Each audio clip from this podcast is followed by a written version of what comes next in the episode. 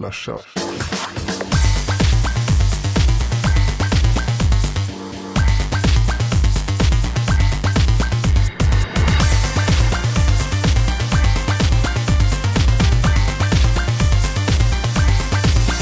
la charge.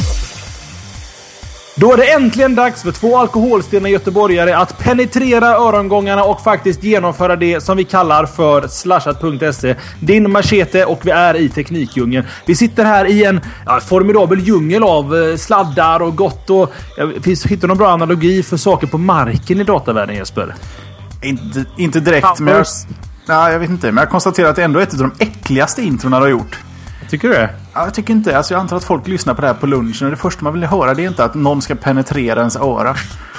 Det- Örongångar. Ja, jo, jo, men det låter fortfarande inte riktigt rätt. Det ska jag resonera kanske, inte penetrera. Det, då hör man ingenting sen och då, då har man väldigt lite behållning av en eh, podcast. Smeka in ord i örongångarna. Låter fortfarande inte helt okej, tycker jag.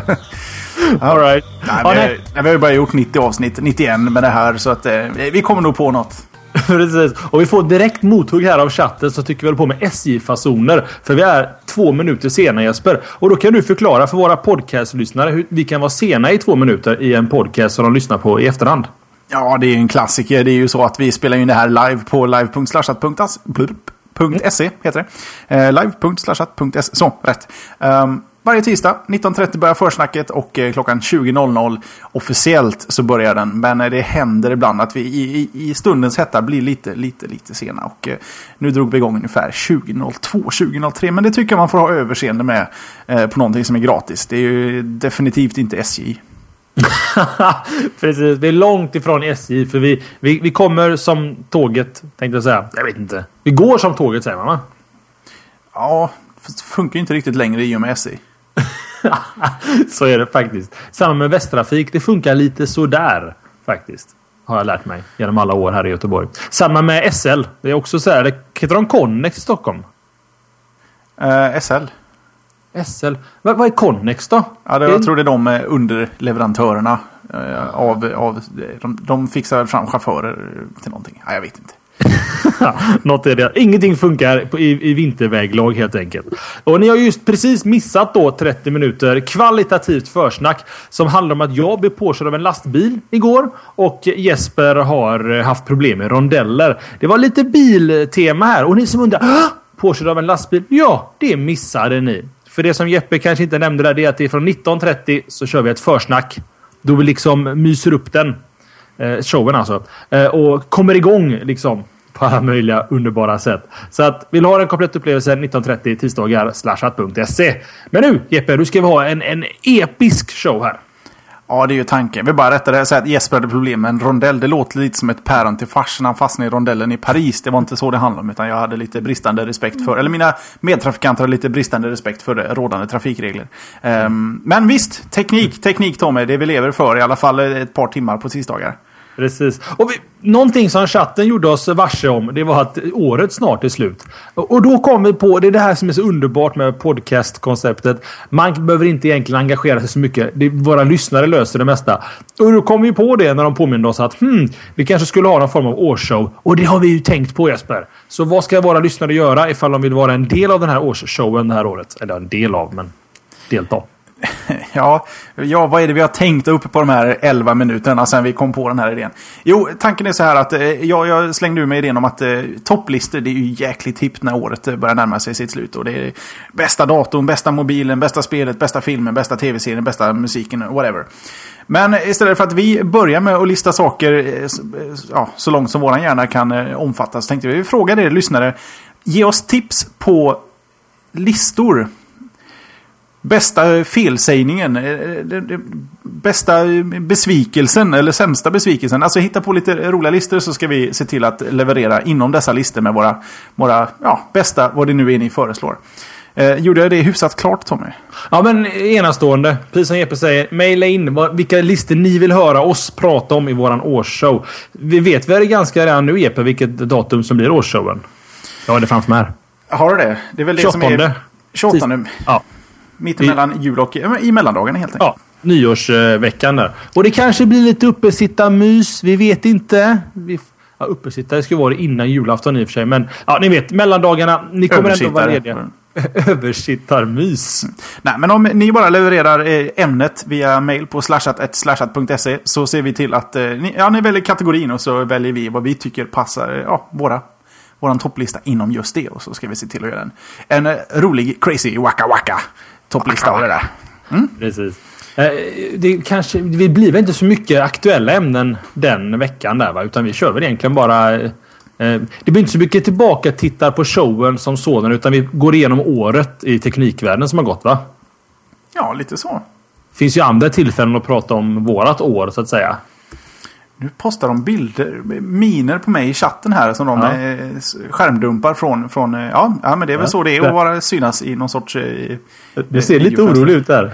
Ja, nej, så kan mm. Sne, mitt sne, Jeppe har snedben här då, faktiskt. Ja, det, det, har nästan gått lite out of proportions här. Att jag råkade kamma håret åt sidan istället för att göra det rufsigt uppåt. Men det är helt enkelt så att jag är lite short på, på hårgelé. Och så har håret blivit väldigt, väldigt långt. Mm. Och då kände jag att jag gör det enkelt. Så hade jag ett möte idag också. Tänkte jag får se lite representabel ut. Och då fick det bli så. Ja, det. Mm. Och som Makopat säger, hellre en snedben än en snedfylla. Och det tycker jag egentligen kan avrunda försnacket. ja. Enough said. Ja, Makopat, I bow to your wisdom. Mycket väl uttryckt. För vi har ju en fantastiskt stor show idag och vi, vi har så mycket ämnen och vi har skrivit så mycket show notes så jag vet inte knappt var vi ska börja någonstans. Men om vi på något sätt börjar med förra veckans porr. som eh, ser ut att ligga på din front där Jesper. Ja men det är ju så. Eh, vad vi undrade, vi hade lite svårt att förklara det här tror jag utan att blanda in porr på något sätt. Men eh, eh frågan vi ställde oss, eller vi ställde er var helt enkelt de flesta webbläsare har ett privat surfläge som inte lämnar några spår efter ditt surfande. Och då undrade vi om ni använder den funktionen. Och eh, här finns det då eh, absolut på 61% och så har vi 39% som ljuger absolut inte. Mm. Helt enkelt. Eh, Tommy, vad sa du? Eh, ja, ja definitivt privat surfläge. Fast jag har speciella anledningar till det. Men det kommer jag berätta om. Och låt höra ursäkterna nu. Nej, Come on, jag, bring him on. Ehm, men jag kommer ta det lite senare i slashat-historien här. Uh, varför jag har behövt lite privat surfläge. Det är inte bara för porr. Uh, inte bara för... Okej. Okay. Om du kollar chatten här så ser du faktiskt vad det handlar om. Men vi gör det som en liten cliffhanger inför framtida episoder. Nu skriver chatten porr här. Det har ingenting med porr att göra. Kanske... Nej, skitsamma. Det har ingenting med porr att göra. Inte bara. Men definitivt. Eh, jag kör alltid eh, privat eh, surfläge. Och jag kan ge er goda vänner faktiskt en liten SEO-tips. om ni vill veta hur bra er sajt rankar på Google så brukar man ju googla på sig själv eller sin egen sajt eller någonting för att se hur högt upp den kommer. Problemet idag är ju att Google ehm, personifierar de här resultaten. Den vet om att jag sitter i Göteborg och att de här ska komma upp högre upp och sånt där. Tips från coachen, det är jag då. Släng på privatsurfläget, incognito mode eller vad det kallas för och gör samma sökning i Google där. För då finns det inga cookies, ingenting. Eh, och då ser du egentligen hur, vad din sajt rankar för alla andra. Det vill säga du tar bort personifieringen. Eh, det räcker inte alltid att logga ut från Google för att göra detta utan incognito mode och, och, och googla på dig själv. Det är dagens SEO-tips. Ding! Det är det jag använder den till. Mm, precis. Alla, yes. alla 61 procent googlar sig själva. Ja, men du vet, self-googling, det är, det är så det är. Det, ja. Mm. Mm. Nej, men det, det, är ett stort problem. Nej, så är det. Det är inte lätt att vara ung. Och vad sa han själv på pollen? Nej, absolut. Jag kollar jämt vad det står på, på en sån icke... Mm. Icke-cashad och eh, helt clean slate när jag söker på mig själv. Så är det. Precis. Det är viktigt det. Mm, mm, du får ett unbiased search result. Ja. Så 39 procent använder inte inkognito-läge. Ska vi börja diskutera om, om de inte vet om att det finns? Jag, jag, lever i en vision om att våra lyssnare vet vad inkognito är eller private mode eller vad det nu kan tänkas heta. Så att... Um, jag vet inte. Det finns ju jättemånga anledningar man kan använda privatsurfläget. Ja. Säg, säg, säg att man sitter på en delad dator. Eh, och du ska logga in på Facebook. Hoppa in i privatmode. Logga in och sen bara stäng ner privatmode så sparar inte de cookiesarna, sessionerna eller någonting. Det finns inga spår att du har varit på Facebook på den datorn. Sen å andra sidan, man har ju läst om, eh, vi har väl till och med tagit upp det här i slashat i något avsnitt längs, eh, längs hösten, att eh, den här privatsurfläget är inte så jäkla optimalt ändå. Så att det kanske inte spelar så jättestor roll om man verkligen vill dölja sina spår. Det går fortfarande att komma runt, men den kanske fixar lite basic security. Eller som Ustreamer 83124. Det är alltså anonyma chattare här som heter sådana konstiga nick. Han eller hon skriver att eh, de, de 39 procenten är singlar och behöver inte dölja porren. Så kan det ju naturligtvis vara. Så kan det vara. Då kan vi säga att vi har 39 procent singlar som lyssnar på den här showen. Inte illa. Inte illa. Välkomna Singel är också. också en livsstil.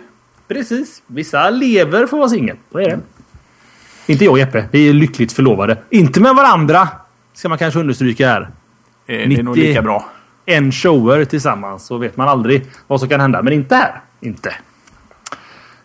Ja, Ja. det känns som vi har dödat den kossan. All Eh, right. veckans fråga är skitenkel. Eh, kodar du? Det vill säga kodar. K-O-D-A-R. Du. Absolut och absolut inte. Eh, vad detta handlar om är helt enkelt att eh, eh, det finns, jag tror väldigt många som är på nätet är producenter. Eh, det vill säga att man gör en egen hemsida, man kodar lite POP, eh, man, eller vissa kanske gör Android-appar, iPhone-appar. Jag tror väldigt många är utvecklare eller kodar lite. Så att vi, vi vet inte exakt eh, hur den här pollen kommer att te sig. Så skriv vad du tycker. Helt enkelt. Vad, vågar du, vet du vad du ska svara på än Jesper? Eller vill du filosofera lite kort? Ja, vi brukar ju ha som regel att svara på det här nästa vecka. Men jag kan ju säga som så här. Jag, jag är ju inte fluent i något eh, kodspråk så att säga. Men jag hackar mig ganska så hjälpligt fram i HTML och eh, en liten, liten, liten skvätt eh, POP och X, eh, XML har man väl. Jag, jag vet inte ens vad grejerna är. Men jag, jag kan ta mig runt i lite, lite basic eh, nätkod. Men jag vet inte, jag... Men skulle du säga att du kodar i den bemärkelsen? Att du sitter verkligen och... Nej, det skulle jag nog inte. Om vi säger så här. Om, om, Det finns, finns inget kodspråk någon skulle kunna be mig göra någonting i. Där jag skulle känna att inga problem, det fixar jag. Ja men precis. Och det, vi ska inte lägga för mycket värderingar i vad ni ska tänka. Utan om någon ställer dig frågan. Jaha, kodar du? Svarar du ja till din kompis på den frågan, då väljer du absolut. Svarar du nej, det gör jag inte. Då väljer du absolut inte. Um, men som ni säger, vi kommer från två olika världar jag och Jeppe. Jag är ju en kodare och Jeppe är en, eh, en mindre kodare. I det Nej. Alltså, om någon skulle fråga mig om jag kodar så skulle jag definitivt svara nej om Tommy satt bredvid mig i alla fall. Ja, precis. Så, att, så att, ta det för vad det är. Och vi ska inte gå ner i, i absoluta eh, djupet på alla pollar. Utan ibland får det vara eh, ibland får det vara bara vad ni själva tycker och tänker. Så enkelt är det här hos oss. Det är bara att, att hänga med. Åka med och dricka lite öl. Sånt gillar vi. Men då borde det nästan bli eh, herr Söderlund som får klippa veckans första ämne. Som coincidentally handlar om... Kodning, eller Hej! att slippa kodning helt enkelt. Det. Fan, här sitter jag och sover på min post. Här gav jag dig en, en, en upplobbning så du bara kunde lagt en smash. Om du vet, det är som när man spelar Nintendo Tennis där. Om man skickar upp bollen högt så tar det en evighet innan den närmar sig. Du hinner ju gå ut och, och värma en macka eller någonting. Och sen komma tillbaka och smasha den där bollen på volley. Den Ja. fick, vibben fick jag i Kinect. Att man liksom visste aldrig när man skulle... Skitsamma, vi har pratat om Kinect. Ja, Kinecten eh, tycker vi lite så... Ja, det kan vi också säga när vi pratar om Kinecten idag. Vi tycker att Kinect, allting med Kinect är hur coolt som helst förutom syftet den är tillverkad för. Att spela spel på Xbox. Alla de här coola hacksen som gör på nätet, de är ju så sjukt mycket coolare än vad Kinecten egentligen är avsedd för. Så den där, sån där lär man ju ha om ett år och göra massa annat roligt än spela på. Absolut. Det coolaste jag såg, och det var idag, det var just det att någon, någon rackare har gjort eh, eh Predator-kamouflaget. Eh, så att den projicerar vad som är bakom dig, framför dig med hjälp av Kinect. Eh, ni får googla. Skitsamma. Vi ska inte gå on, of, eh, för mycket derailing här. Utan vi kör nu på kodning utan att koda Jesper. Ja, det var ju så här att för ett litet tag sedan på min blogg så skrev jag eh, Hjälp, jag vill koda. Och det här har jag tagit upp med dig under nästan flera års tid. Att eh, fan, var ska jag börja någonstans? Jag vill, jag vill eh, säga att slutmålet är att jag vill koda iPhone-apps till exempel. Var börjar jag? Och jag vill liksom inte eh, fula vägen. Jag vill ta det verkligen från scratch. Och hur enkla tutorials jag än hit- hittar så verkar de alla börja med raden. Du behöver ingen förkunskap och sen går de på nästa rad. Du behöver kunna skillnaden på en integer och en float. Och redan där är jag utkastad. För då kunde de ju ha tagit upp det där. Men eh, alla liksom, spelar ingen roll hur lite de säger att man måste kunna så förutsätter de åtminstone något litet och det blir jag lite trött på. Och, i, och jag säger som jag skrev i, i en artikel här nyligen Eh, som, vad heter han? Dave Gorman i Google Wack Adventure eh, säger att eh, han, han är skitbra på att göra saker, han är bara lite dålig på att börja med saker. När han väl har börjat så är det inga problem. Och jag, innan jag liksom kommer igång och göra någonting så eh, kör jag den här lättjans metod att hitta kortaste möjliga vägen till att göra iPhone-apps. Och det är också anledningen till att jag har passerat eh, vissa funktioner som apps, eller vissa tjänster som Appcelerator, GameSalad och eh, nu senast Red Foundry. Som alla tre är tjänster för att utveckla apps för eh, iPad och iPhone och iPod Touch. Och Red Foundry är den senaste jag testat och, och det är ett program för att bygga um, inte GameSalad till exempel är endast gjord för att utveckla spel av olika sorter för, för de här enheterna. Medan Red Foundry och även Appcelerator är lite mer Eh, I mitt fall som artist så vill jag göra en app där du kan kolla senaste nytt, lyssna på mina låtar, kolla lite videos, lite tutorials och sånt där. Kolla nästa spelning, var och lite sådana där enkla saker, lite biography. Och för den sortens eh, uppgifter så fungerar Red Foundry riktigt, riktigt bra. Och problemet med de här programmen är att man vill ju se dem på enheten. Och eh, det har inte någon annan löst tillräckligt bra än tycker jag. Förutom just Red Foundry. Som låter installera ett program som heter VIS. V-I-Z. På App Store. Det är gratis. Och vad du gör där är att logga in med dina uppgifter som du har på Red Foundry hemsidan. För du gör allting på deras hemsida. Och sen så ser du hela appen allt eftersom du gör den i realtid på din eh, iPhone. Så, så fort du ändrar någonting eller någonting så skakar du bara på telefonen så får du se hur den ser ut eh, med allting, alla funktioner och sånt där. Och det är riktigt, riktigt nice. Problemet med den här appen är att eh, det finns väldigt mycket att göra och det finns eh, väldigt många olika du kan köpa till extra funktionalitet och i den absolut dyraste varianten av Red Foundry så kan du i princip peta in egen Objective-C-kod om man vill det. Men även i det billigaste läget så är den tyvärr lite dyr. Speciellt för mig som bara vill ha en, en gratis app jag kan lägga upp där folk kan kolla senaste nytt och nästa spelning och sånt där. Men har man en bra idé som går att bygga på, för att Red Foundry jobbar väldigt mycket med att du kan uppdatera all data i appen via eh, med XML, via eh, RSS-feeds och sådana grejer. Och den har väldigt ut, utökat, eller stort stöd för sådana tjänster. Så har man bara en riktigt, riktigt bra idé så tror jag att man kan göra något riktigt schysst. Och eh, det är ganska modulbaserat men alla de här modulerna går att göra ungefär som man vill ha dem, eh, designa dem lite sådär själv. Och de eh, förinställningarna som finns är faktiskt riktigt, riktigt snygga. Nu vet inte jag. Jag har inte min telefon här. Kunde ha faktiskt gett lite mervärde till de som tittar på oss. Eh, och se hur det ser ut. För det ser riktigt, riktigt nice ut. Tyvärr så är det lite, lite dyrt. Jag tror att det, det börjar på 99 dollar i entry fee och 59 dollar i månaden om man, kör, om man ska lägga ut den. All utveckling och sånt där är gratis. Det är när du ska upp den på App Store som det blir lite dyrt. Tommy, du har ju faktiskt varit och fingrat lite. Jag tror en gång i tiden du lovade en slashat app. Mm. Um, är det här någonting du skulle kunna känna att... Uh, du skulle kunna tänka... Alltså om man har en riktigt bra idé som går att göra i en sån här... Uh, har du någon bra idé? Uh, alltså, jag, ja, det kanske jag har. Men jag tror att alltså, prismodellen här är ju helt fruktansvärt hög. Jag tror det var någon som skrev i chatten här att det funkar ju egentligen bara eller kanske du som skrev det i ditt blogginlägg här, att det funkar egentligen bara om man har en bra affärsidé från början på appen. Liksom. Att du vet om att det här kommer generera pengar. Jag menar, man vore idiot om man inte betalar 450 kronor i månaden om man tjänar, om man tjänar 4500. Liksom. Grejen att, att den kanske är lite väl inriktad på eh, företag som, eh, små företag som har någonting de vill få upp inte så mycket privatperson helt enkelt. Ja, men precis. Att man, eh, man, man, har den idén klar. Man kanske har gjort en, någon form av testvariant av den till en liten grupp. Och så istället för att lägga de här jag vet inte vad det kan kosta. 15, 20, 30, 40, 50 tusen på att en kodare gör det åt dig de där 20 timmarna. Så, så eh, kan man göra en proof of concept i det i alla fall. Och få ut någonting. Eh, och då kan ju 59 dollar i månaden vara ganska vettigt. Tror jag kanske. Jag vet inte, alltså priset skrämmer mig. Jag tror på idén. Alltså jag har ju själv lekt, lekt med Accelerator och betan av uh, Googles uh, appbyggarprogram för Android. Um, och det är kul, men man fastnar alltid på det att man kommer komma till en punkt där man vill göra lite, lite mer. Man vill kanske customisa. Jag menar, spel i det här är väl helt uh, omöjligt, eller? Det finns liksom... Detta kanske är mer åt artister och sånt där kan jag tänka mig. Ja, alltså en appbyggd hemsida liksom från vänster. Eh, En gp.se menar du? Ja, gp.se kan vi kalla det för. Jag ska se bara Sorry, de, Wiesegren.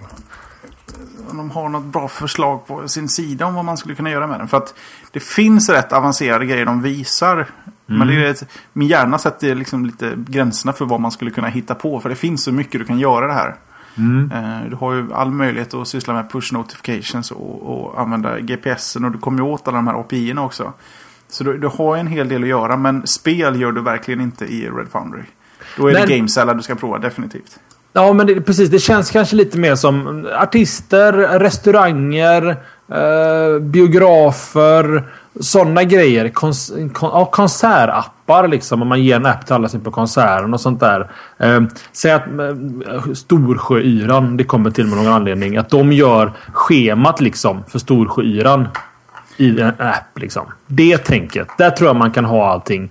Just för det här. För det är quick, quick utveckling. Jag menar som du själv säger. Du är ingen koder åt något håll och du har ändå slängt ihop en rätt snygg app. Utifrån det jag ser i alla fall. Eh, på eh, dina screenshots där.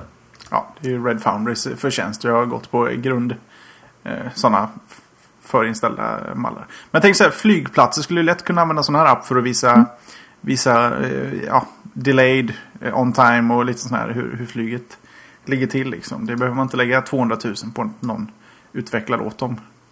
Fast då, då kommer man liksom tillbaka till det tänket. Varför gör man inte bara en hemsida istället som är mobilanpassad? Ja, det är också en bra fråga faktiskt. Jag fick en kommentar på det här inlägget jag gjorde på bloggen eh, av en Viktor Egnell. Han eh, tipsade om något som heter PhoneGap som ska vara ett alternativ som också är gratis. Eh, Men eh, i den så utvecklar du tydligen i HTML, CSS och Java. Och då har du ju en webbapp i en app egentligen. Men eh, så har jag sagt det i alla fall. Blir det någon Ja. som är intresserad.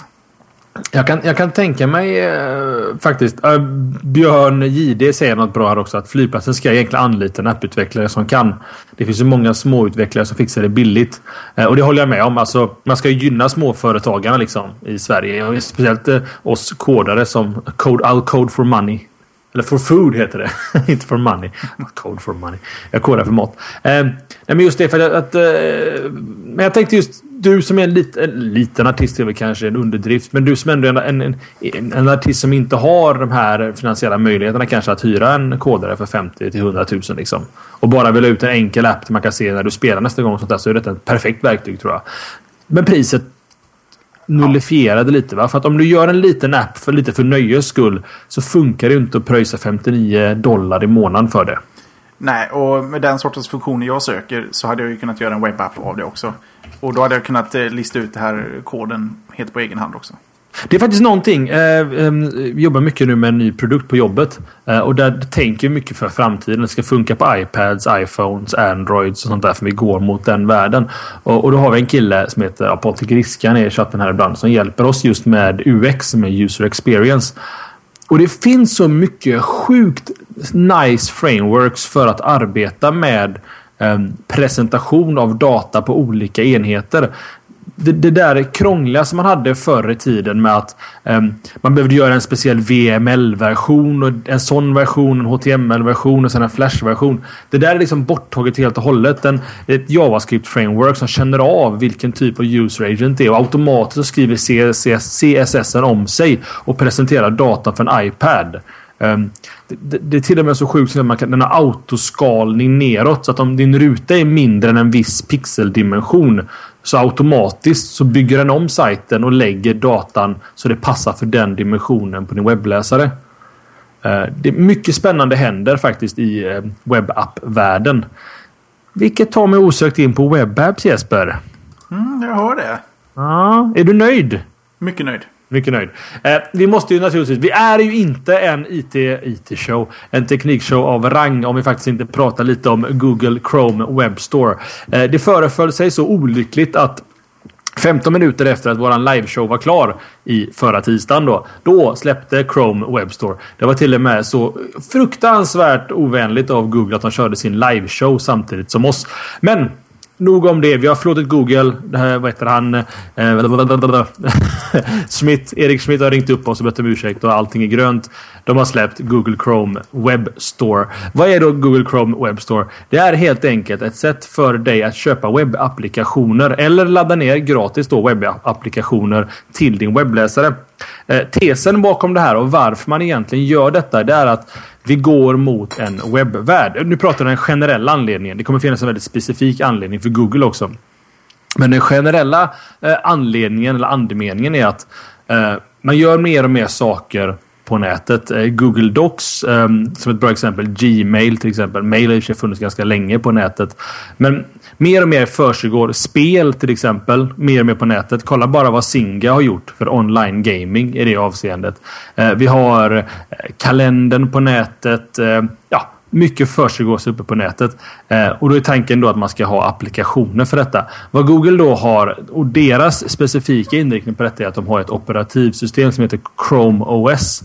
Eh, vad Chrome OS egentligen är, det är en Linux-baserad webbläsare. Så att du botar din dator in i en webbläsare och sen så försiggås allt på nätet. Ehm, och till det här då så ska man såklart ha en webbstore. Man kan köpa de här applikationerna. Ehm, vad de gör, alltså apparna funkar endast i webbläsaren Chrome just nu. Ehm, de kostar ungefär 2 till 5 dollar. Och det, alltså det finns ju allt från spel till bildbehandling till videoredigering. Eh, ljudredigering med man inte ute och snurrar. Men det finns mycket gratis i den här butiken online. Då. Eh, till exempel då var det en bra sak som de gör som Google själva också trycker på. Det är att det finns så mycket bra webbapps där ute.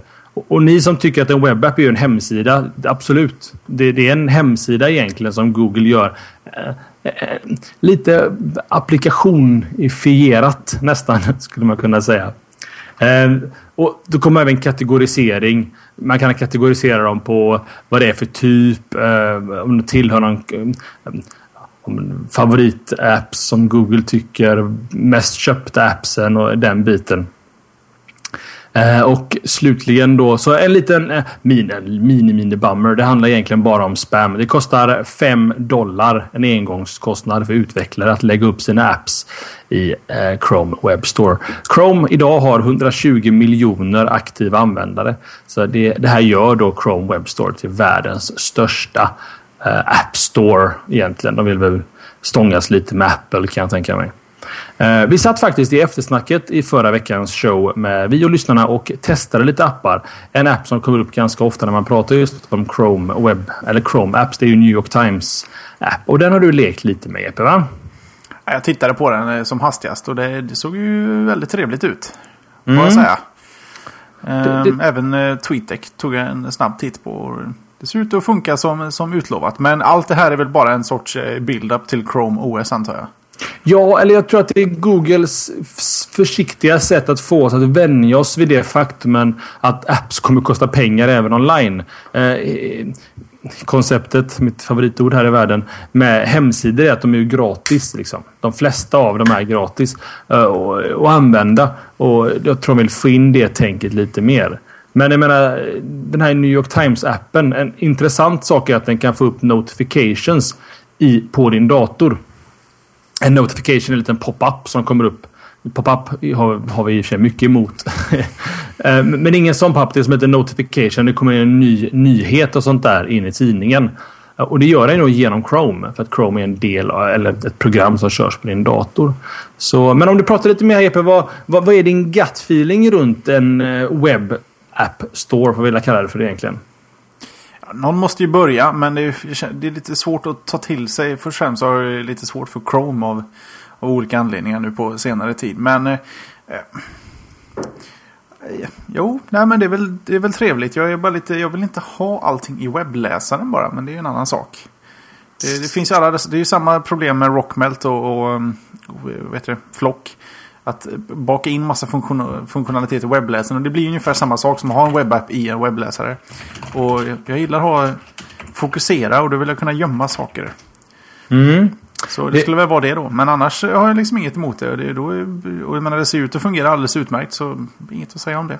Ja, om vi vänder på den funderingen som du hade där. Varför behöver du ett operativsystem egentligen. Om, om du, du kan köra din IM, Skype, musikspelare, dokumenthanterare, bildredigerare, allting i din webbläsare. Har vi då egentligen, nu tänker jag fem år framöver naturligtvis.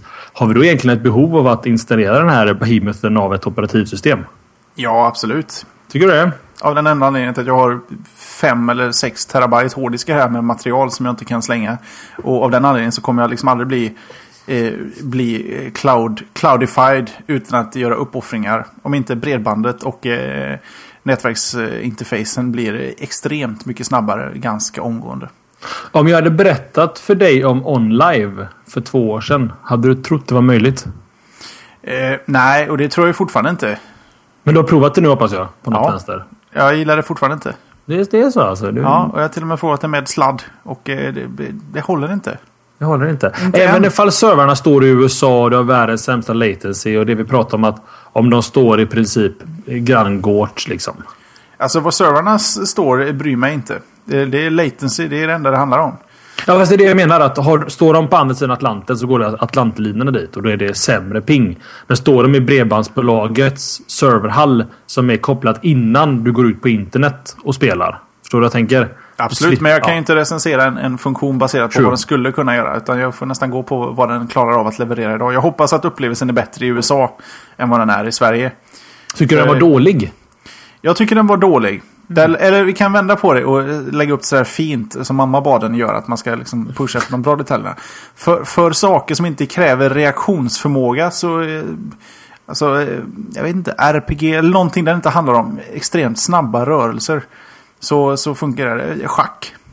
Ja, jag har ett bättre förslag. Eh, Det här spelet som alla spelar med de här jävla blobbarna. Som man ska i pyssel pussel-varianten. Blobbarna pussel-pyssel-varianten. Nu kan inte Memory Björn här. Utan, eh, Uno. kan chatten hjälpa mig? Man är, man är en stor svart plump. Eh, Och så, så ska man liksom dra den. World of Goo. World of Goo. Tack så mycket. Fast den, Såna- kräver, den kräver också rätt mycket eh, respons när man väl ska börja klippa. När det börjar bli avancerat. Mm, okej. Jävligt kul spel för övrigt Camilla. Ja. Online finns ju på iPad nu förresten. Har du testat det? Nej, jag testade knappt på live. Jag tänkte att sådana här spel verkar funka ganska bra. Men jag håller med dig också. Jag körde lite Unreal Tournament 4 eller 42 eller vad de är uppe i. Och det, det funkar. Jag känner bara att jag är inte så bra jag skulle kunna vara när jag spelar. För att det är lite latency issues. Um, det har vi gått lite långt ifrån Ja, då vad vandrar Chrome bort lite här. Men det, det till. Webstore. Men för att knyta tillbaka då till webbstoren. Jag tror på detta. Jag tror att det, fin det finns någonting här. Ehm, tänk också eh, i iPad-kontextet. Att eh, ehm, till exempel Grooveshark. Nu funkar inte Grooveshark exakt på en iPad. Eh, dels kör de Flash när de spelar upp musiken. Men man skulle kunna arbeta kanske mer med sin iPad om det finns webbapplikationer. Att man går ifrån den här App Storen som Apple har eller marketen som Android har och kanske låter fler saker försiggås i, i molnet då eller på nätet. Ehm, och tekniken finns och den kommer att komma. Ehm, sätt er för nöjes skull och kolla på HTML5 demosajter. Ladda hem Chrome och prova HTML5 demosajterna. Ehm, eller tror även Firefox klarar mycket av det och Safari. Men man imponeras. Jag förstår varför Adobe själv inser att vi behöver inte ha Flash när HTML5 kommer. För den Canvas-grejen du kan göra. Du kan ju göra kompletta spel i princip i Canvas-taggen. Eh, WebKit säger de här i chatten. Eh, Men Chrome och Safari kör båda WebKit va? eh, precis, precis. Men, Men. Webstoren fungerar bara i Chrome antar jag. Ändå. Ja, Den använder väl lite egen eh, fu- fulkod. Eller finkod.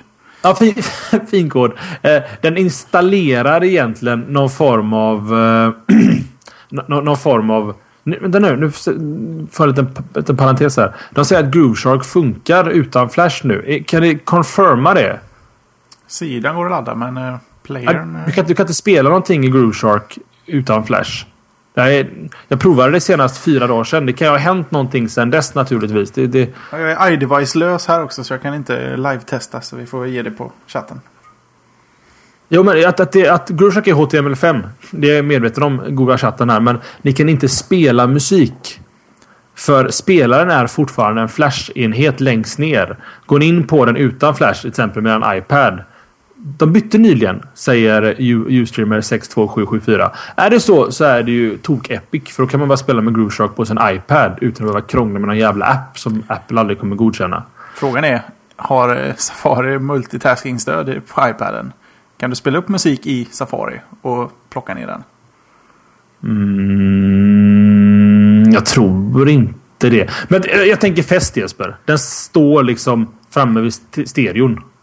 Ja, ja visst. Men eh, ja, Jonasson är med oss i Jonasson! Han, han är hemma. Lite, han har bilat snabbt för att hinna hit. Han testar åt oss så kan vi ordbajsa lite så tar han reda på om, om det funkar. För jag har aldrig, aldrig riktigt hamnat i det läget att jag spelar upp någonting. Det finns inte så mycket som går att spela upp i, i Safari, inser jag. De pekar oftast bort till andra appar. Mm. Men eh, ja, de, de kanske om det funkar. Jag vet inte. Ja, nej men visst. Jag vill bara att så mycket som möjligt ska funka på så många ställen som möjligt. Och finns det en, en, en alltså jag har inga problem med att, att köpa appar i en butik. Det spelar ingen roll om det är en webbapp eller inte. Ja, mm, vad, är, vad är förtjänsten med det? Um, uh, på, på, samma sätt, jag, jag, så jag tror... Um jag, tror samma vibbar hade man över appar i iPhonen också från början. Att varför ladda ner en app när information, samma information finns på hemsidan? Men det finns någon formfaktor i app-tänket både för iPhone och på Android. Som jag tror att webbapparna sakta kommer att få. Um, Prism tror jag det heter från ehm, eh, um, uh, GrooveShark funkar inte på en iPad i alla fall. GrooveShark requires Adobe Flash.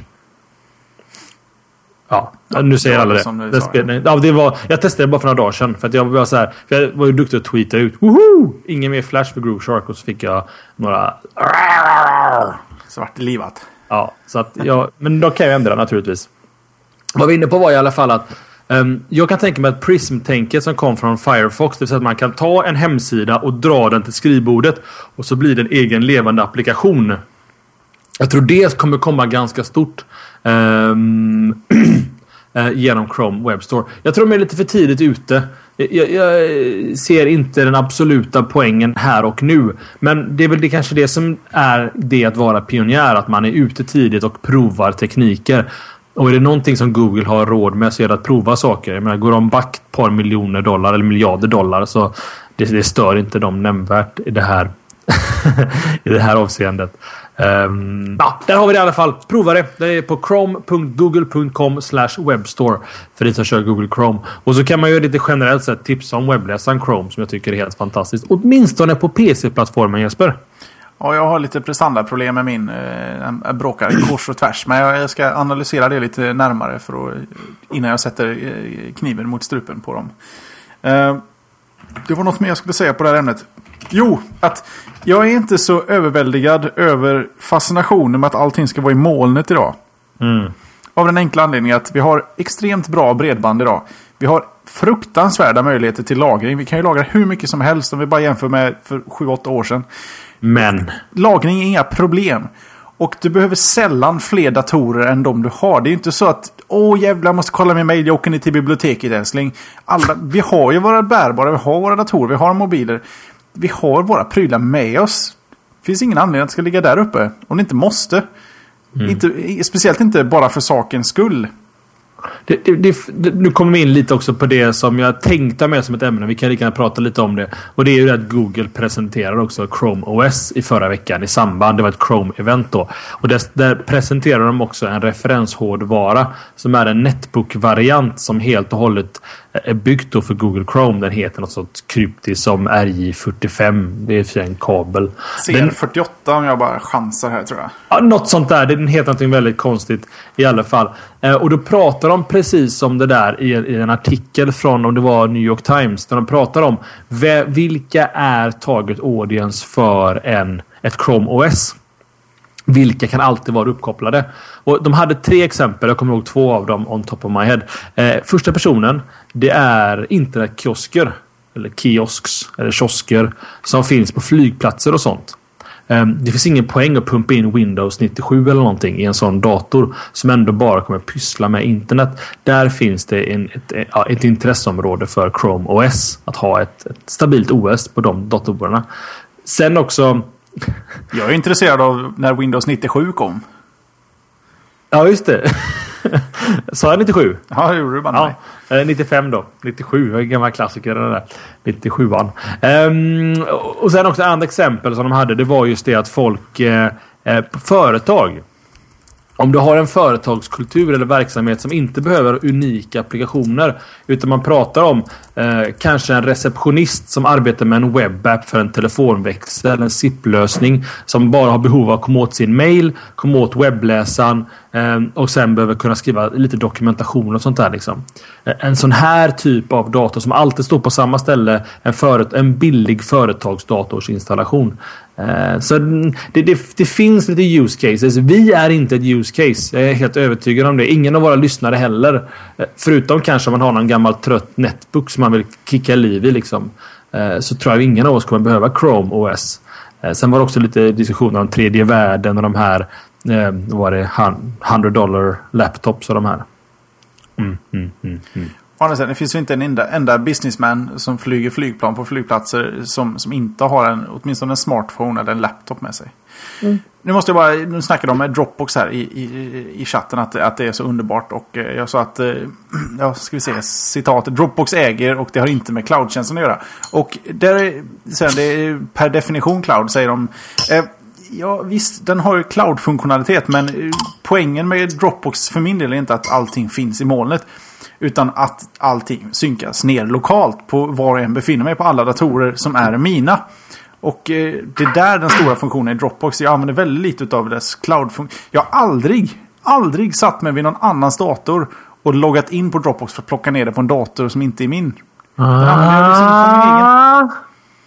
Kan nog minnas en annan fest när du haft någon låt du vill spela upp som du har plockat hem. Via... Nej, då går jag in på min Dropbox, kopierar den till en shared eh, mapp som du har och då laddas den ner till din dator. Ah, okej. Okay. Ja, det var så jag tänkte att du gjorde. Okej. Okay, okay. Visst, det går via molnet men det är, inte, det är inte att sakerna finns online som är stora grejen för mig. Utan att det finns offline. Det är det som är hela grejen. Säg att du gjorde det på DreamHack. Gjorde du detta? På DreamHack? Epo var så full på DreamHack. Han minns inte. Kan inte hålla en ansvarig för sånt han inte minns. Jag sitter inte på andra datorer. Nej, kanske. Ever. Du Tommy, vi, ja. sjukt vad vi drar ut på tiden här. Vi ja, måste vi, gå vidare. Det, det, det är det nya slashat. Slashat 2.0. Eh, en sista superliten grej. Någon skrev jättelångt upp att HTML5 är en fluga eller någonting. Um, jag kommer inte ihåg exakt vad personen skrev här i chatten. Lite som uh, hjulet och mikrovågsugnen och sådär. Precis. Ja. Meningslösa saker. Nej, och jag ville säga med det var att jag ska se till att vi kommer inom en överskådlig framtid ha någon form utav en HTML5 special. Jag tänkte jag skulle lura hit Patrik Riske, han som jobbar med sånt där. Eh, så vi kan prata lite om vad det handlar om. För att många hör ju att ah, Flash funkar inte längre för att... Um, nu ska jag göra ett print screen på det här citatet. Um, de pratar om att eh, eh HTML5 kommer slut Flash och folk förstår inte hur ska man kunna animera med HTML5 och sånt där. Och HTML5 är så fruktansvärt stort. Eh, så vi kanske ska behöva en specialepisod för det någon gång i framtiden. Eh, så jag bara lägger en liten brasklapp till oss själva att vi ska göra det någon gång lite senare. För nu Jeppe ska vi prata om Paypal! Ja, precis så. Och eh, det har ju hänt en hel del i hela den här Wikileaks-grejen. Och vi har nästan aktivt valt att inte prata om den. Mest för att vi inte har riktigt kunnat bestämma oss för vad vi tycker om det hela. Plus att det är lite för mycket politik och sånt där som vi generellt inte orkar beblanda oss med i tekniksammanhang. Men eh, i och med att de blandade in Paypal, eller ja, Paypal blandade in sig själva i hela den här härvan så var vi tvungna att ta upp det lite grann. Eh, och det handlar egentligen om att eh, Paypal då frös alla utbetalningar till Wikileaks eh, Foundation. Ja, där de får sina donerade pengar helt enkelt. Och eh, det här gjorde de eh, genom att eh, påstå att de bröt mot Paypals Acceptable Use Policy. Och gör man något sånt i tider som dessa då, då är det bara att vänta sig DDoS-attacker. För sådana, sådana kom det ordentligt. Och det tog bara ett par dagar till och sen så hade helt plötsligt Paypal ändrat på sig.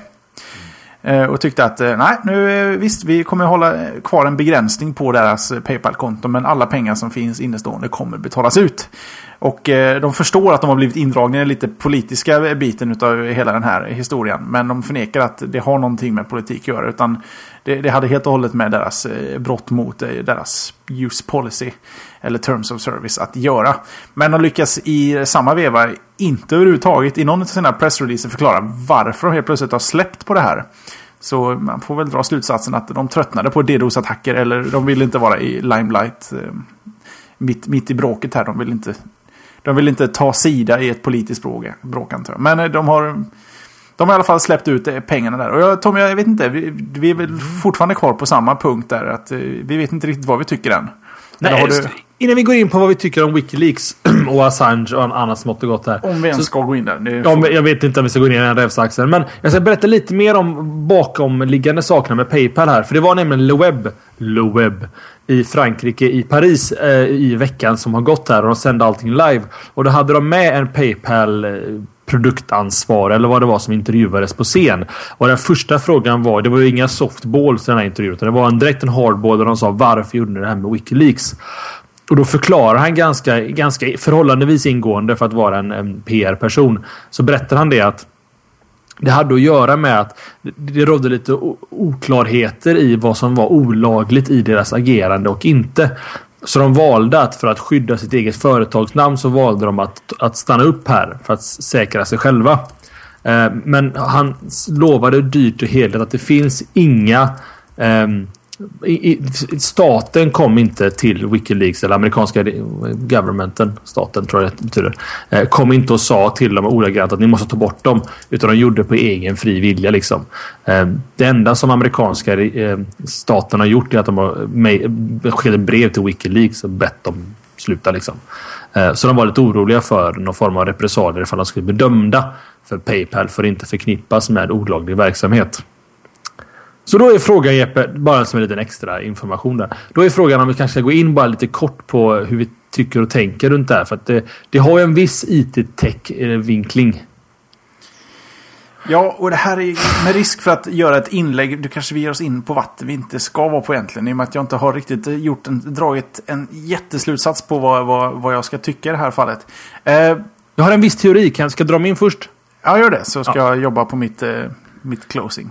Ja, closing. Um, um, ja, vad det heter. Uh, så, här, så, här, ser jag på saker och ting uh, när det gäller Wikileaks. Um, Wikileaks i sig gör ingenting olagligt. Det finns en moralisk aspekt i vad de gör, det vill säga man riskerar livet på eh, individer. Både soldater och civila och allt annat. Man ska ta det i bejakande, vilket jag personligen kan tycka att Wikileaks har gjort. För vad de har gjort är att när de får in material av den här storleken ehm, så kan de inte på egen hand gå igenom och veta vad ska vi blanka ut och vad ska vi släppa? Vad är säkerhetsfarligt och vad är inte säkerhetsfarligt? Så vad de har gjort var, de gick till Der Spiegel, New York Times, Washington Post och en tidning till två eller tre månader innan de släppte läckan och bad deras journalister hjälpa oss att gå igenom det här eh, för att förstå vad ska vi blipa bort. Ehm, så de tog ett aktivt steg för att faktiskt undvika risken att fler soldater eller civila skulle dö på grund av den här läckan. Ehm, sen så finns det också en, en viktig aspekt i det här. Det är också det att det låter från amerikanskt håll som att det här är olagligt. Ehm, det här whistleblower-tänket. En whistleblower är någon som, som avslöjar andra egentligen. Att det skulle vara olagligt. Och det är det inte enligt någon form av lag i USA. Vad det handlar om är att om du jobbar för militären eller för ett, för, för ett företag eller vad det kan vara och du skriver på ett kontrakt som säger att du får inte yppa den här informationen som du lär dig här. För andra, om du bryter det kontraktet och tar data från Eh, jag tror, om det var CIA eller någonting och ger ut det, då begår du ett brott. Och det var den här, jag tror han är 22 eller 23-åriga killen har gjort militären som hade tillgång till den här mainframen som plockar ut all den här dokumentationen som Wikileaks nu har. Han är gripen och han kommer förmodligen sitta i fängelse resten av sina dagar enligt alla lagar och bestämmelser för att han, ja, han låg under den, det kravet. Men sen att Wikileaks skulle begå något olagligt för att distribuera det här materialet är lika dumt som att säga att man skulle stämma en journalist för att de skriver en artikel om någonting som de får via en källa. De är egentligen bara en messenger i det här avseendet. Sen kan man ju fråga sig om deras motivation och varför de gör det. Jag kan tycka att det är väldigt USA-specifikt. Hela deras sätt. Det känns nästan politiskt. Det känns som att Assange har en agenda mot USA som land eller struktur. Och då blir det lite sketchy för mig liksom. Sen kan jag förstå att vi lever i västvärlden och det är det största kriget som har varit på ganska länge, Irakkriget. Så det är klart det kommer mycket data därifrån. Och någonstans i den här Wall of Word här Jesper, har du någon åsikt? Det var en lång harang du fick till där du. Ja, jag tänkte igenom det. Vi pratade mycket om det på jobbet och skit så det har fastnat lite. Nej, alltså hur, huruvida det är lagligt eller inte, det har jag ingen som helst kunskap i att kunna avgöra. Så jag tänker inte bry mig om den biten eh, förrän någon som, som kan det där kan avgöra det. Eh, Makopat skriver något bra här i chatten, ett citat han sprang på på nätet. Eh, Wikileaks avslöjar information som inte borde vara dold från första början i ett demokratiskt samhälle. Och det är väl lite så jag känner också att eh, det här är mycket sådana lowballs, folk som har sagt saker på en fest om någon annan diplomat. Till exempel om vi pratar om den biten av de här läckorna. Det är mycket sån här, eh, den osensurerade sanningen. Lite sådär som vad politiker säger efter kameran slocknar. Eh, och visst, det, det blir så här, oj, här högt uppsatta människor som snackar om att eh, ja, han är en konstig jävel som tycker om miljön och är styrd av sin fru. Det är liksom inte det vanliga man hör i politiska debatter. Och eh, men jag tror att det är, ändå, det är ändå bra tror jag, för folk att få se den här... Få lite insikt i vad som faktiskt pågår bakom alla dessa stängda dörrar av folk som vi har valt att sitta och styra och greja. Och du pratar om diplomatläckan där också? Ja, en som ett exempel här. Men jag förstår att folk hamnar ju i en risk här. Men eh, ja, som sagt, det finns ju vad är det, 250 000 dokument eh, som är upplagda. Det finns säkert saker där jag känner att här kanske inte, det här skadar nog mer än det gör nytta. Men man får väl ta det, det, det onda lite med det goda antar jag. Wikileaks. Jag tror det ändå är bra att världen får lite insikt i vad det är som pågår. Precis. Det, det, det, det, kostar lite i, i, i, i ja, relationer mellan länder och, och ledare. Och det, det, det, har ju såklart ett pris att berätta sanningen. Det har det alltid. Mm. Nej, jag är på ditt spår. Jag, alltså, jag, de, de fyller en funktion i samhället. Tycker det, det finns en poäng att ha Wikileaks i samhället. Um, men eh, sen är också frågan hur mycket data ska släppas, hur mycket ska göras tillgängligt, var ska göras tillgängligt. Det, det, är jättesvårt att svara på. Men jag kan väl personligen tycka att Wikileaks har tagit ett steg för att faktiskt um, försöka sanitize i kodspråk. Uh, vad heter det, städa, uh, putsa av materialet för att göra det så anonymt ändå som möjligt. Och där ska jag nästan släppa det här Jesper. Va? Det, det, det blir för mycket politik och jag ja. fattar inte sånt. Sen gillar jag inte politik heller. By default. Så att, och vi ligger sjukt efter schemat Tobbe. Vi kommer få ja. skippa lite ämnen här idag Ja, då får du fan sätta fart. Okej okay, då. Det är faktiskt jag som har nästa va? Det är jag. Eh, vi ska prata om att Microsoft ville köpa hela Facebook. Eh, året var 2007 och eh, det var då Microsoft investerade 250 240 miljoner dollar i Facebook. Vad som inte sades eh, då fast det kanske spekulerades ganska friskt om det. Det var att Microsoft egentligen la ett bud på Facebook eh, och sa att och vad man räknat ut då. De säger ju inte exakt då. Det kommer också från Loweb. Det är Fritz Landman. Landman. Kul. Landman.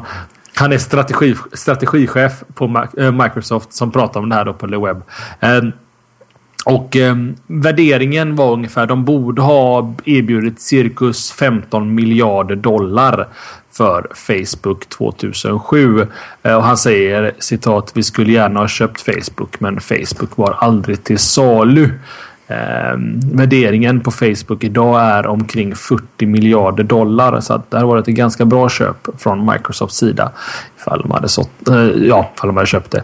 Eh, men som ni alla vet, det kom ut något samarbetsavtal mellan Facebook och Microsoft som igen bland annat innebär då att Microsofts sökmotor Bing finns integrerad på sajten. Crazy money Jesper! 40 miljarder dollar för Facebook. Ja, det är mycket pengar. Har du någonsin sett Bing någonstans på Facebook? Uh, ja, um, vad det innebär att det är snarare bakvänt. Du ser Facebook på Bing. Okej. Okay. Ja, ja. Bakvänt. Men... Uh, de tar det, de ger det inte så att säga. Ja, men precis. Det finns en rätt kul story. Um, Google och Facebook bråkade lite i sandlådan här för några veckor sedan eller två. Och det var just det att Google gnällde på Facebook för att Facebook har en policy att plocka in mycket data från tredje part. Google-konton och sånt där. Men de släpper inte ut någonting själva. Du kan liksom inte eh, en, få, få, ut viss data ur Facebook som Google vill ha. Så det var lite... Ja, de kastade sand på varandra en stund. Men de, de löste väl det genom att Facebook sket i det. Spoilerfritt så eh, kan jag ju tipsa om eh, The Social Network nu när jag har sett den och du inte har sett den Tommy. Om Ja. jag har förstått det hela rätt. Nu var ju jag tur för din skull sjuk när jag skulle gått och sett den. Hade jag fått stryk annars? Jebbe. Nej, jag ska inte svära på utländska språk. Jag hade eventuellt inte bjudit dig på popcorn. Oj. That det, way. är, Ja. ja, det är som förolämpning. Ni som inte Ja. känner oss, det där är the Ja. förolämpning av Precis. förolämpningar. Nej, det var faktiskt en riktigt schysst film och den ger eh, filminblicken i hur det har gått till. Men eh, den, den var spännande på lite samma sätt som eh, Pirates of Silicon Valley. Mm. Bra, kul. Så har vi tipsat om den än en gång. Ja, någon, någon hörde durka, faktiskt min svordom. Vad roligt. Vi har fler Balkanmänniskor i chatten tydligen.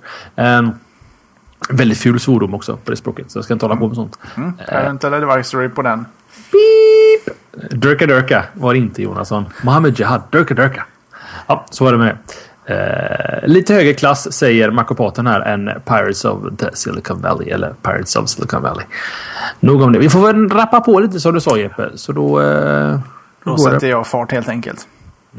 Det finns en jättestor sajt som heter findthatfile.com som, eh, ja, det säger ju sig självt vad de sysslar med. Du, du, du får hjälp att hitta den där filen du söker efter och då handlar det om alla sorters filer. Eh, de har delat med sig av lite statistik över eh, vad som söks och laddas ner till en blogg som heter New TV. Det är N-E-W-T-E-E. V-E-E, så har de gjort extra krångligt för sig. Eh, och vad de här då, Find the File, har indexerat är FTP-sajter, Rapid Share, Usenet, Ehm, ett antal olika peer-to-peer-nätverk och även eh, torrentfiler och sånt. De har kollat lite på vad det är som laddas ner just, alltså mest just nu. Och har dragit lite roliga slutsatser på det. Eh, det som går absolut bäst i nedladdningsväg idag är filmer och e-böcker. Och det som går absolut mest neråt är mp3-filer. Musik är alltså på väg ut eh, i antal nedladdningar. MP3 via Find That File i alla fall eh, ligger idag på samma nivå som nedladdningen av DLL-filer. Det är Windows eh, ja, sådana eh, drivrutinfiler och sånt där. Eh, och det är ju inte så långt upp på listan så att säga. Och eh, de spånar lite på vad anledningen till det här kan vara. Att det skulle vara så att det finns ett större och bättre utbud av lagliga tjänster för att konsumera musik idag. För även om vi inte kanske tycker musikbranschen har hängt med riktigt så är det ändå de, som har hängt med mest kanske. Eh, Tv, film och tidningar kanske inte har hunnit så långt som musiken. Eh, Vadå, Vodle finns ju. Ja, just det. Makes it all okay liksom. Men eh, de drar också samma slutsats att, att eh, det kanske inte alls är så. Musik laddas ner precis lika mycket som förr. För det är ju faktiskt möjligt att folk har fascinerats lite mer av att ladda ner album än just låtar. Och laddar man ner album, det ser bra ut när man sorterar in det i sina bibliotek. Det ser bra ut med omslag och sånt där. Och de laddas oftast ner i ZIP och RAR-arkiv som ligger ganska högt upp på nedladdningslistan. Och det är svårt via sökmotorn då få fram statistik på vad de här innehåller. I och med att det är bara länkar. Så möjligheten finns att det laddas ner precis lika mycket musik som innan. Fast de är zippade. Och eh, om man nu vill lyssna in sig på en enstaka låt så har det blivit lite mer vanligt att ta sig till YouTube och bara leta upp låten där och lyssna på den. För det visar sig att åtta av de tio mest spelade klippen på valfri eh, eh ja, avdelning på YouTube är från artister eller skivbolag. Och eh, till exempel artister som Rihanna eller Eminem de drar in ungefär en miljon dollar var på bara YouTube-videor med lite reklam runt omkring. Så att det är en big business att lyssna på enstaka låtar på YouTube. Jag vet själv att jag gör det. Det, det går fortare att ta sig till YouTube och lyssna, lyssna in sig på en låt än att förlyssna i, i iTunes. Som för övrigt har fått en 90 sekunders previews nu. Eh, eller att köpa låten eller att ens ladda ner den olagligt. Så, men vad tror du Tommy? Eh, Vilket av påståendena tror du mest på? Att utbudet har blivit bättre för lagliga tjänster eller att det bara laddas ner i lite mer organiserad skala i stora albumformat nedsippat sånt här? Sippade och rarade arkiv med album, tror jag. Eh, I och med att det går så våldsamt fort att få ner de här små filerna. Då. det bara blir ett album? I VBR så kanske de är 150 megabyte. 200 megabyte kanske. Det går, det går så fort idag att man plockar kanske... Man eventuellt kanske plockar ner hela albumet. Jag tror det handlar mycket om det. Men sen så tror jag också att det, jag tror det är lite, jag tror det är mer åt all, över zip-fils-tänket där. Men det har nog mycket att göra med legala tjänster. Sen vet jag inte hur legal YouTube är med alla låtar som finns där. Men ehm, för preview-syftet, eh, ja jag kan, jag kan vara villig. Senast idag Jeppe hittade en ny Maskinen-låt på YouTube som jag skickade till dig. Och det är, så, det är så enkelt sätt att göra det på också. Det krävs så lite effort för dig förutom att klicka på länken och lyssna liksom. Snarare att Jeppe, öppna, öppna Spotify eller Grooveshark och så söker du på det här och så eller tar den här länken liksom. Och du vet, det, nej, ja, det finns något där faktiskt. Ha, hade du köpt musik oftare om det hade funnits en, en sorts one-click buy på YouTube bredvid videon? Du loggar in med ditt konto, klickar på buy-knappen bredvid videon och så laddar den bara ner låten i, i inställningarna en vald eh, kvalitet på låten.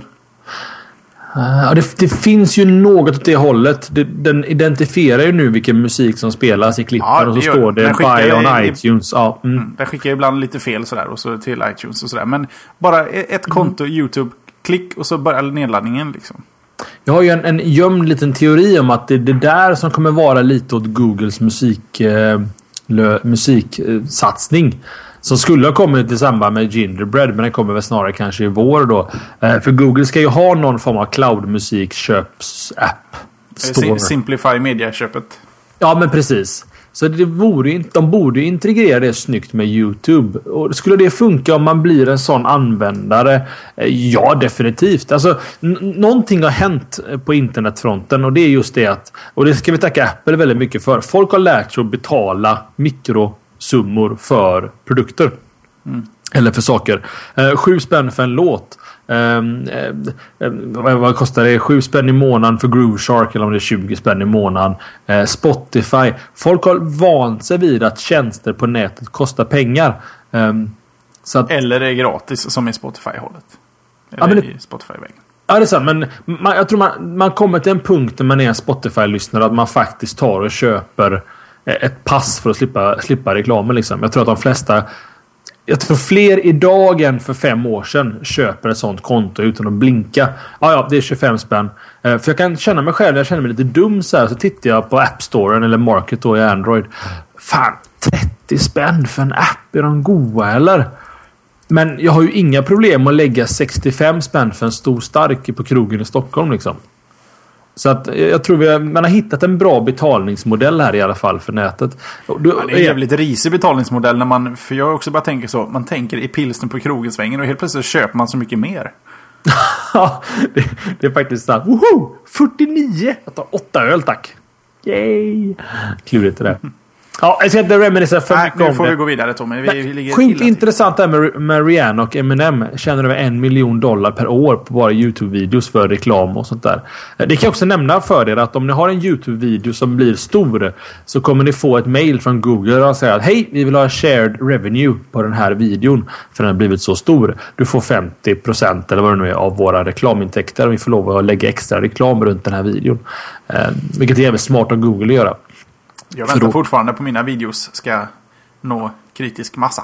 Ja, jag, jag, tror det, jag tror det är en rätt stor massa för att komma upp i dem. Ja, Om en slump så ramlade jag in på en Miley Cyrus eh, musikvideo på YouTube. Jag tror att länkvägen var att hon hade rökt salvia eller någonting i någon video. Så jag kan klicka på någonting och... Sådana ja. videos är roliga annars.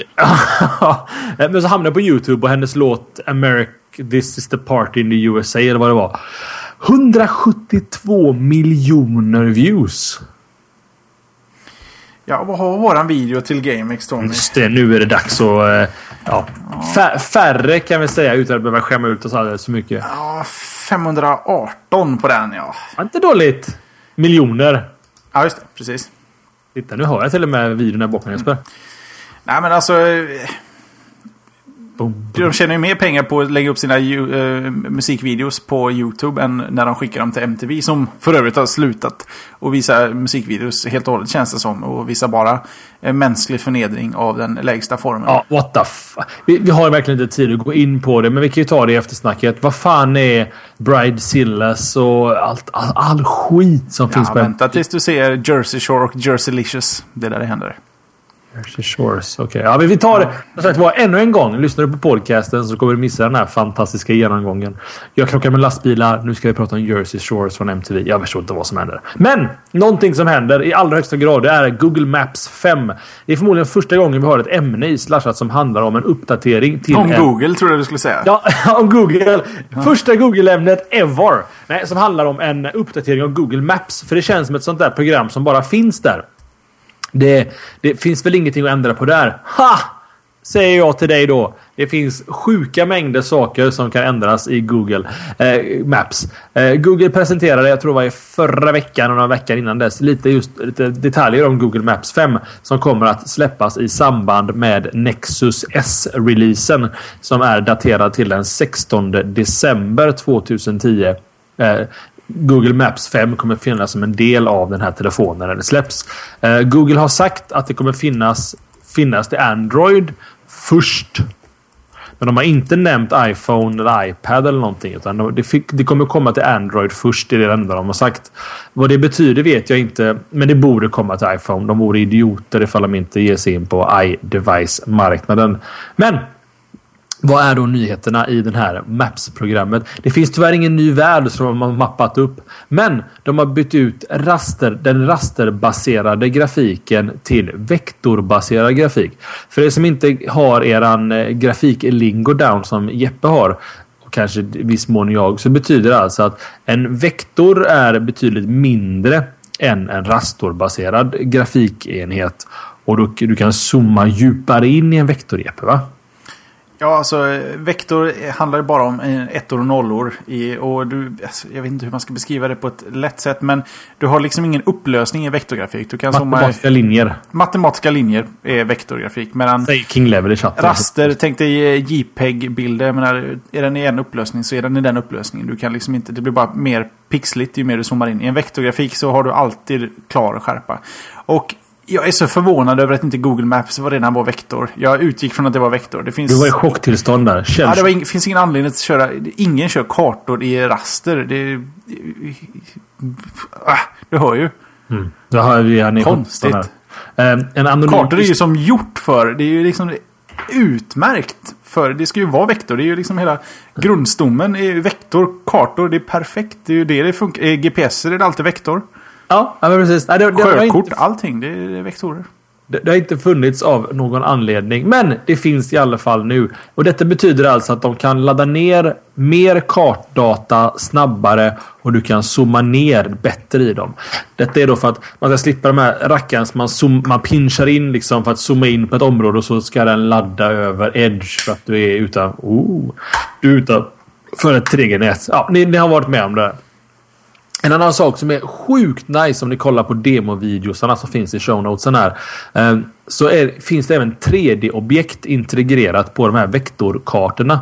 Det innebär att om det är New York till exempel och du zoomar ner till marknivå så kan du med genom att tänka att ni lägger äh, äh, ringfingret, nej, pekfingret och långfingret, lägger den på ert iDevice eller er Android. Så drar ni dem uppåt på skärmen. Då kommer liksom rutan att ändra perspektiv. Och då kommer byggnaderna växa upp genom kartan. Titta på videon. Det här är skitsvårt att förklara i, i, i voice. Men Gå till eniro.se och tryck på eh, vy. Ja, det kan samma funktion där. Så ser det precis likadant ut. Fast i vektor då. Problemet är väl kanske bara att, eh, ja, att det inte ser jättemånga städer än som är 3D-modellerade. Men det, demot ser jävligt nice ut. Men det kanske absolut största nyheten i eh, Google Maps 5. Och det här hoppar jag lite jämfota över. Det är offline cache.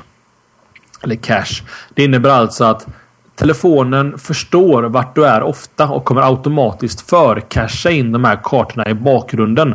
Jag hänger mycket i Göteborg av förklarliga skäl. Så vad Google kommer inse, eller Google Maps inser att okej, okay, Tommy är för mycket i Göteborg. Låt oss plocka ner hela Göteborg med omnejd till hans telefon när han ligger och sover.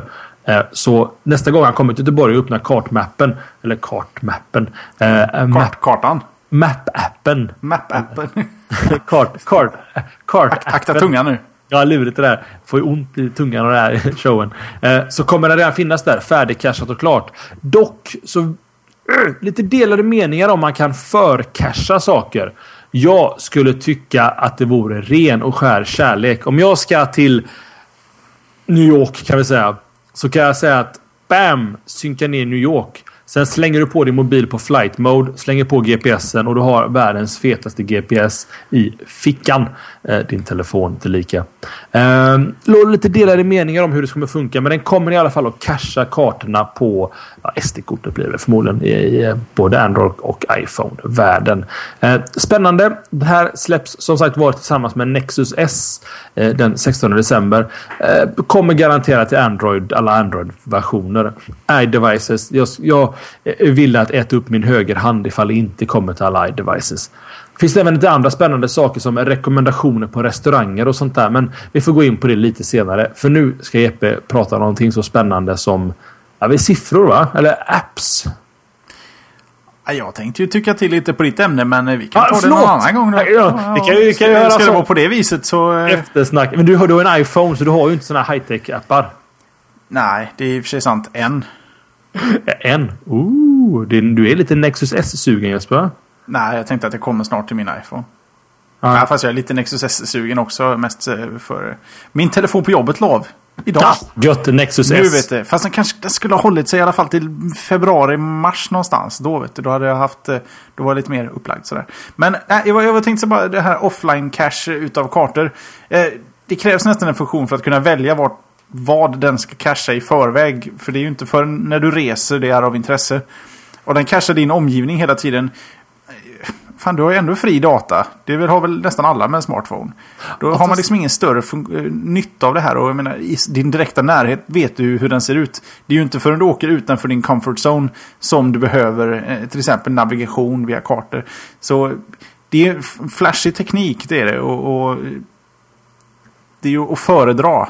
Mm. Men det, det, är inte en sån showstopper vill jag inte påstå. Nej, jag, jag, jag kan vara villig att...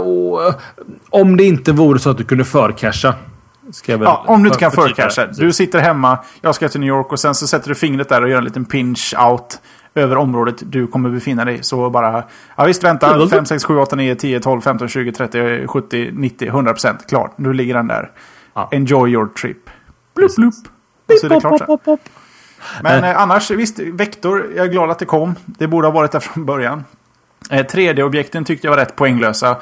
Eh, men det tycker jag även i Eniros version. Alltså, 3D är inte det som... Eh, det blir bara krångligt när du ska börja navigera.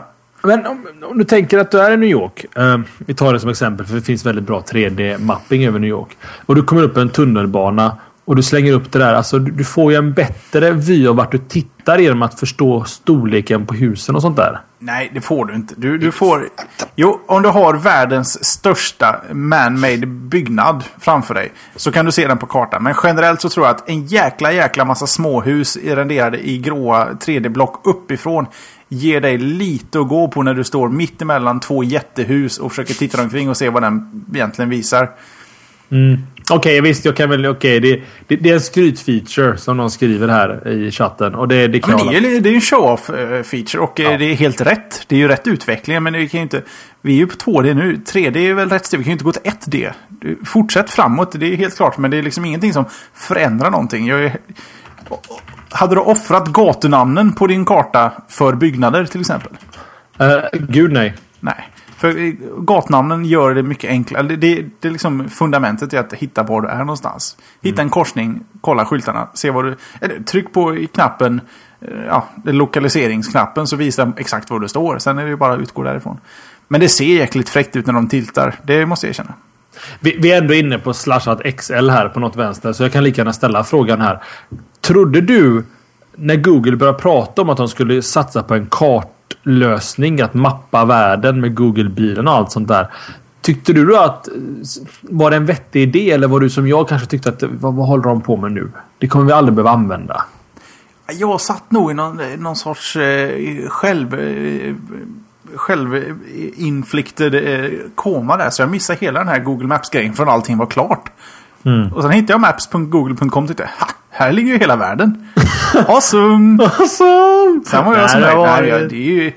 Jag menar, de har ändå satt... Eh, många, det är ju bara att kolla svenska eh, kartsajter. Alla går ju i Googles spår nu. Det visar att det, man vill ju kunna titta på ställen. Jag menar, bara som en sån enkel sak som, när var det? Fyra år sedan vi var på Kanarieöarna. När du renderar en liten video bara från Google, jag vet inte vad det är, Google Earth du använder. Ja, Earth, ja. Bara zooma ut från rymden rätt ner på hotellpoolen dit vi skulle. Så man kunde se eh, vart det var vi skulle. Utmärkt. Det, det, sånt, alltså, det är ju show-off feature men kanske inte så användbart. Men det, man vill titta. Jag är en sån här... Oh, om man sitter och bara skojsurfar på... Man vill köpa ett hus. Ja, ah, där borta är det ett hus ledigt på den gatan. Rätt ner och kolla liksom Street View. Gå dit och titta lite på huset i förväg. Liksom. Det, sånt är skitkul.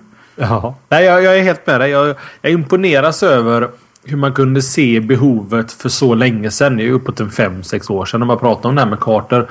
Eh, ja, men för en gångs skull kan väl Google få vara först med någonting. Precis. Nej, men just det här. Den här sociala webben vi pratar om idag. Att, att, eh, med rekommendationer och allting. Det är den perfekta plattformen att titta vart runt omkring med mina kompisar rekommenderat en restaurang som serverar sushi. Liksom. Det, det, det är fantastiskt. I, I, I like it. Well played Google. Well played. Mm. Du Tommy, vi är på en timme 15 minuter ungefär show. Vi det får finns, ta runda av här. finns ingen som klagar på det. Jag, vi tar jo, jag har, jag har fysiska begränsningar på det här. Alltså är det så? Om jag pratar länge om någonting så kan inte du gå och lösa det? ja, det kan jag i och för sig. Men då får du prata länge och så kan inte jag ställa följdfrågor. Ja, det är lugnt. Det behöver, det behöver du inte. Ska, jag, ska, vill chatten ha ett ämne till? Jag har ett ämne till som jag så gärna vill berätta om. Okej, okay, chatten får avgöra. Kör ja. vi ett ämne till? Jag menar, kör du ett ämne till och jag hinner springa undan så hinner jag med ett ämne till. Precis. Döna fick vi från Jonasson här. Ja, vi borde få in lite mer. Ja, det räcker med Jonassons. Eh, ja, vi får några, några till som är med här också naturligtvis. Tommy. Ja. Monolog. Monolog. Eh, jag ska såklart berätta om att det är market-uppdatering på gång eh, till Android. Vad, vad det bygger på är att Um, för ni som är en, en iPhone-värld, ni använder App Storen när ni köper applikationer. Vi i, uh, i Android-världen använder Market för att göra det. Market är en, en applikation som Google till och från upp, uppdaterar. Och nu har de då uppdaterat Market till en ny version. Det handlar dock mest om grafiska ändringar. Vad tycker du Jesper? Ja, det är lite roligt det där, för han är ju inte på plats nämligen. Ehm, det är en overhaul av grafiken, hur grafiken ser ut. Eh, de har lagt mycket fokus på att förbättra feature och aktuellt i funktionen. Det vill säga spotlight-tänket liksom på App-storen. Eh, och ehm, ja, de som sticker ut lite extra. Eh, och den här nya versionen av Market kommer funka för Android 1.6 och högre.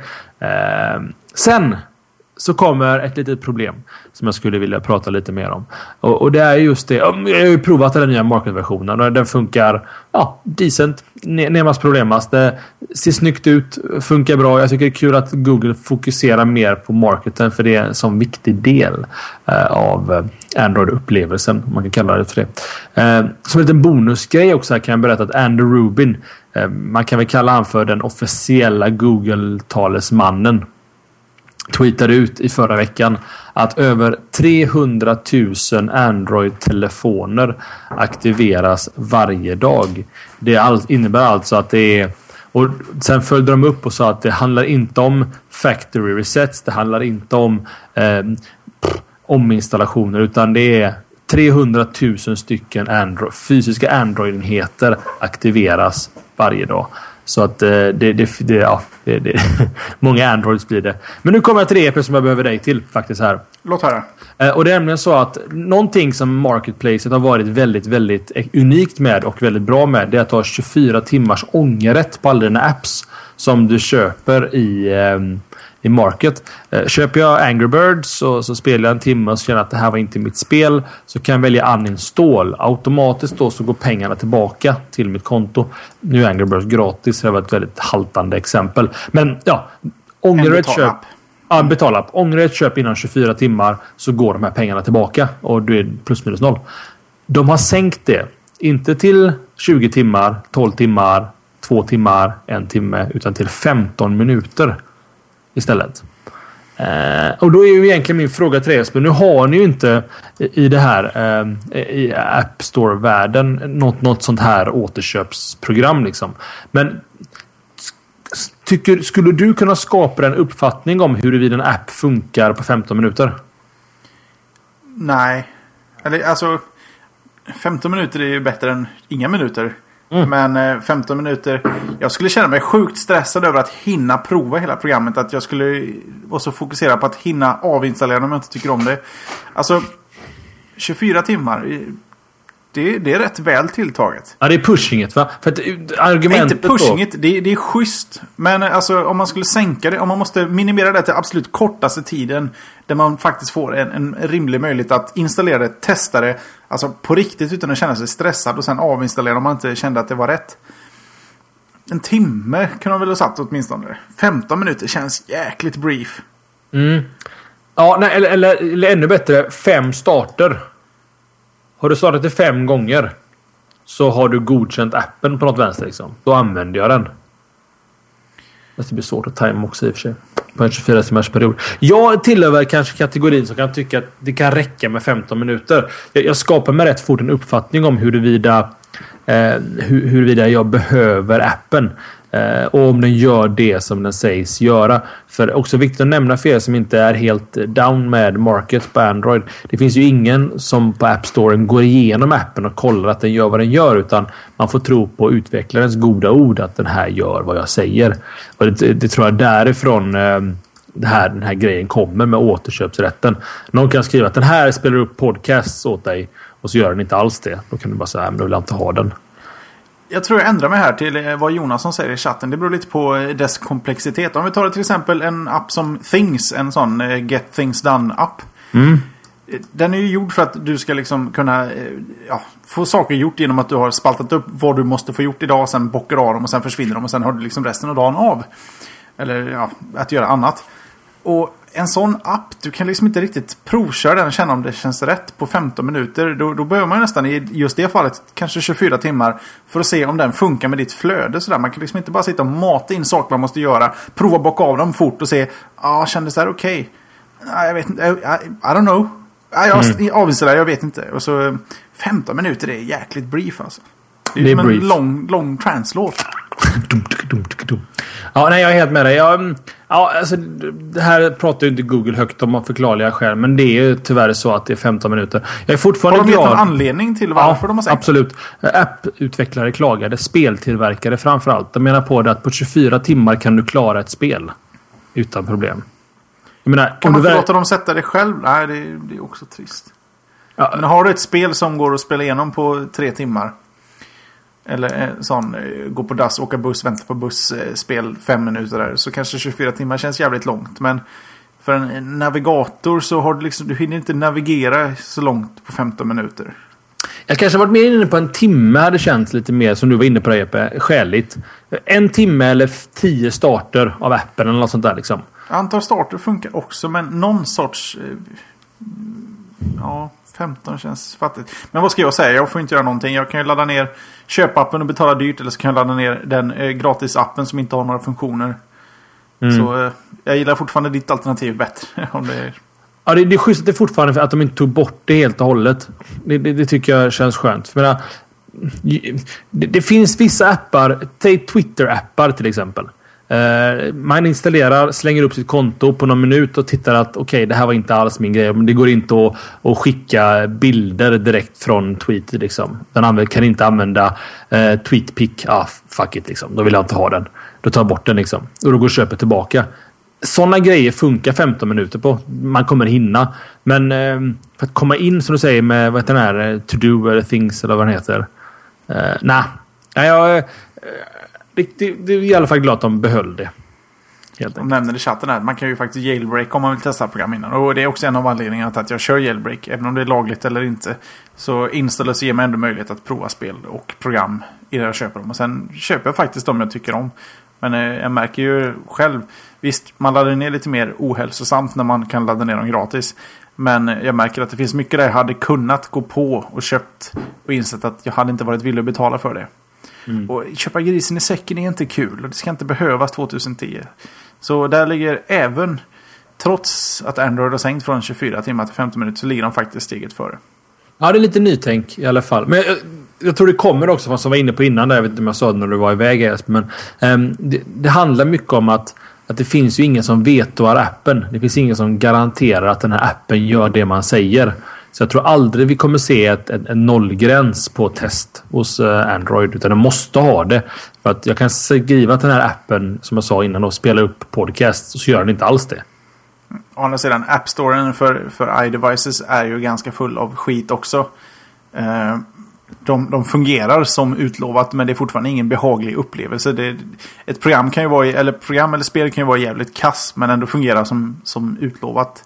Och jag menar, de, de recenserar ju inte, eller de tar ju inte bort dåliga spel för att de tycker spelen är dåliga. Det är ju upp till användarna att avgöra. Så att eh, vi har ju liksom ingen sån censur egentligen heller. Mm, Som någon skrev sant. nyligen, jag läste att för varje, eh, för varje Angry Birds så finns det ju hundra riktigt usla spel. Ja. Nej, men visst är det så. Angry Birds eller Rovio. Det var, det var deras 52 spel eller vad de sa till oss när vi intervjuade dem på GameX. Har du något sånt? Ja, det, och, det slog. Vår intervju kan man se på slashat.tv också. Ja, just det. Games. Du Tommy, vi har dragit så extremt över tiden. Vi måste runda av här. Ska vi spara de mest populära apparna i App Store 2010 till våran lista då kanske?